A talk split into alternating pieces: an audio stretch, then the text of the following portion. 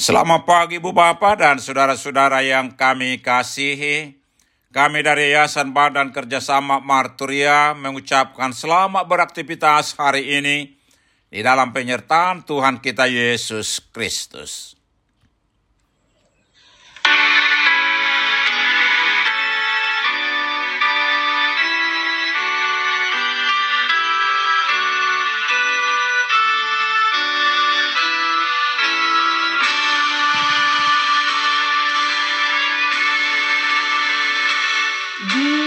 Oh,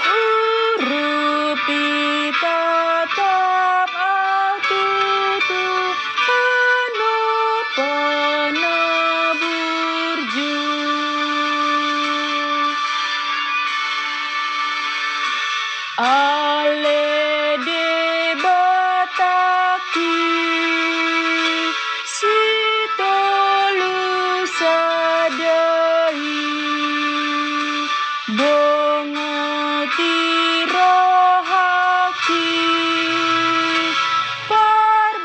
parbadiai mai. Siai humalam hutada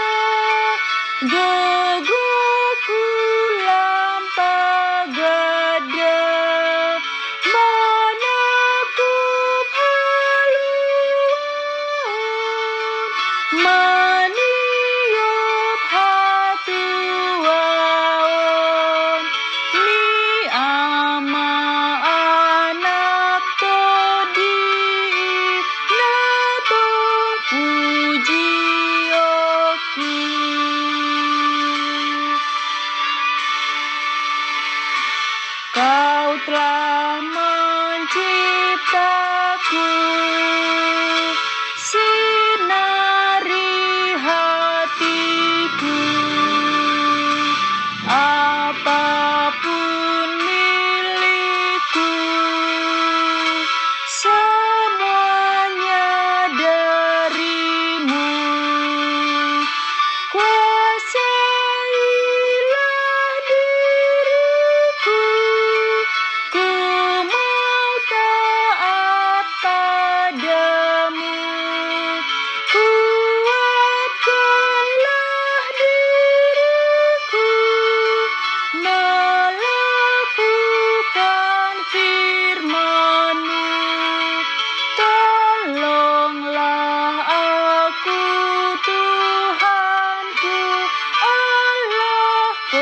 penciptaku.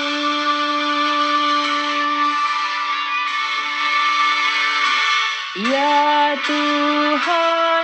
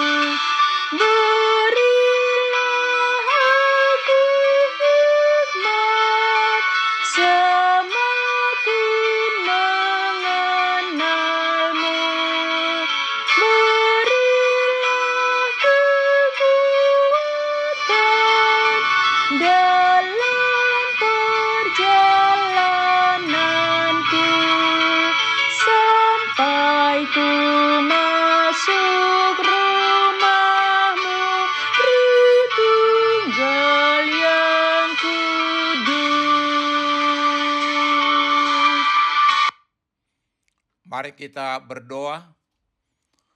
Tuhan Yesus, di pagi hari ini kami hendak mendengarkan dan merenungkan firman-Mu. Berikan kepada kami hikmat dan pengertian untuk memahami firman-Mu, dan tolong kami Tuhan untuk melakukan firman-Mu dalam kehidupan kami. Amin. Saudara-saudara yang dikasihi Tuhan Yesus, firman Tuhan untuk kita renungkan di pagi hari ini terambil dari 2 Korintus 5 ayat 18 dengan tema didamaikan dengan Allah demikian firman Tuhan. Dan semuanya ini dari Allah yang dengan perantaran Kristus telah mendamaikan kita dengan dirinya dan yang telah mempercayakan pelayanan pendamaian itu kepada kami.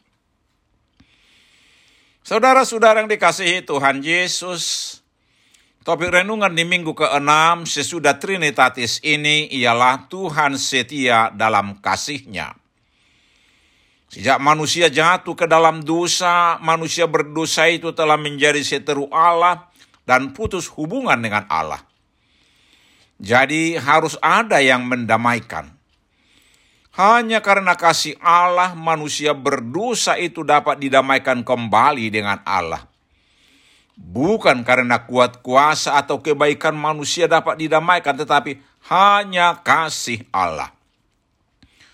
Hanya dengan bertobat sungguh-sungguh dan mengakui dosa-dosa kita kepada Allah, lalu berbalik dari kehidupan lama kita serta percaya kepada Yesus Kristus, kita dapat didamaikan dengan Allah Bapa.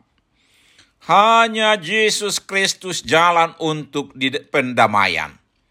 Siapa yang mengikut dia didamaikan dengan Allah Bapa. Dalam ayat hari ini ada dua hal yang disampaikan. Yang pertama, dan semuanya ini dari Allah yang dengan perantaran Kristus telah mendamaikan kita dengan dirinya. Langkah pendamaian manusia dengan Allah adalah karya Allah sepenuhnya dan inisiatif Allah. Dosa telah membuat manusia menjadi seteru Allah yang harus dihukum.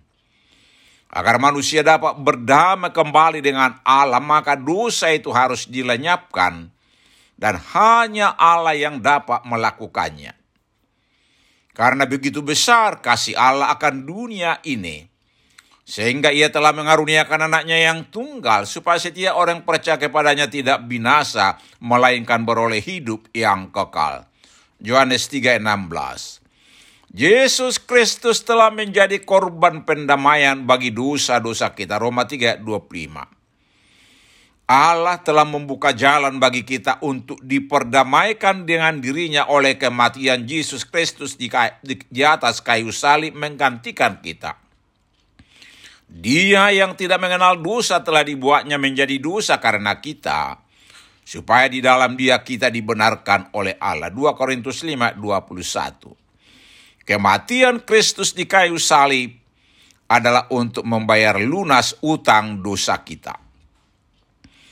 Saudara-saudara yang dikasihi Tuhan Yesus, yang kedua dikatakan, dan yang telah mempercayakan pelayanan pendamaian ini kepada kami. Sebelumnya pelayanan pendamaian ini diberikan kepada para rasul, orang-orang percaya mula-mula. Pelayanan pendamaian ini harus dilanjutkan supaya semakin banyak orang yang sudah seteru Allah didamaikan kembali kepada Allah. Sebagai ucapan syukur kita atas pendamaian yang sudah kita terima, kita dapat tanggung jawab untuk pelayanan pendamaian itu. Mari kita lakukan dengan sukacita karena itu adalah tugas kita dan bentuk ucapan syukur kita kepada Allah Bapa. Amin. Mari kita berdoa.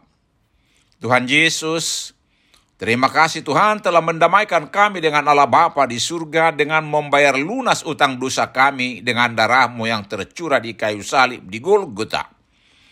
Tolong kami murid-muridmu ini untuk dapat meneruskan pelayanan pendamaian itu dengan memberitakan Injilmu.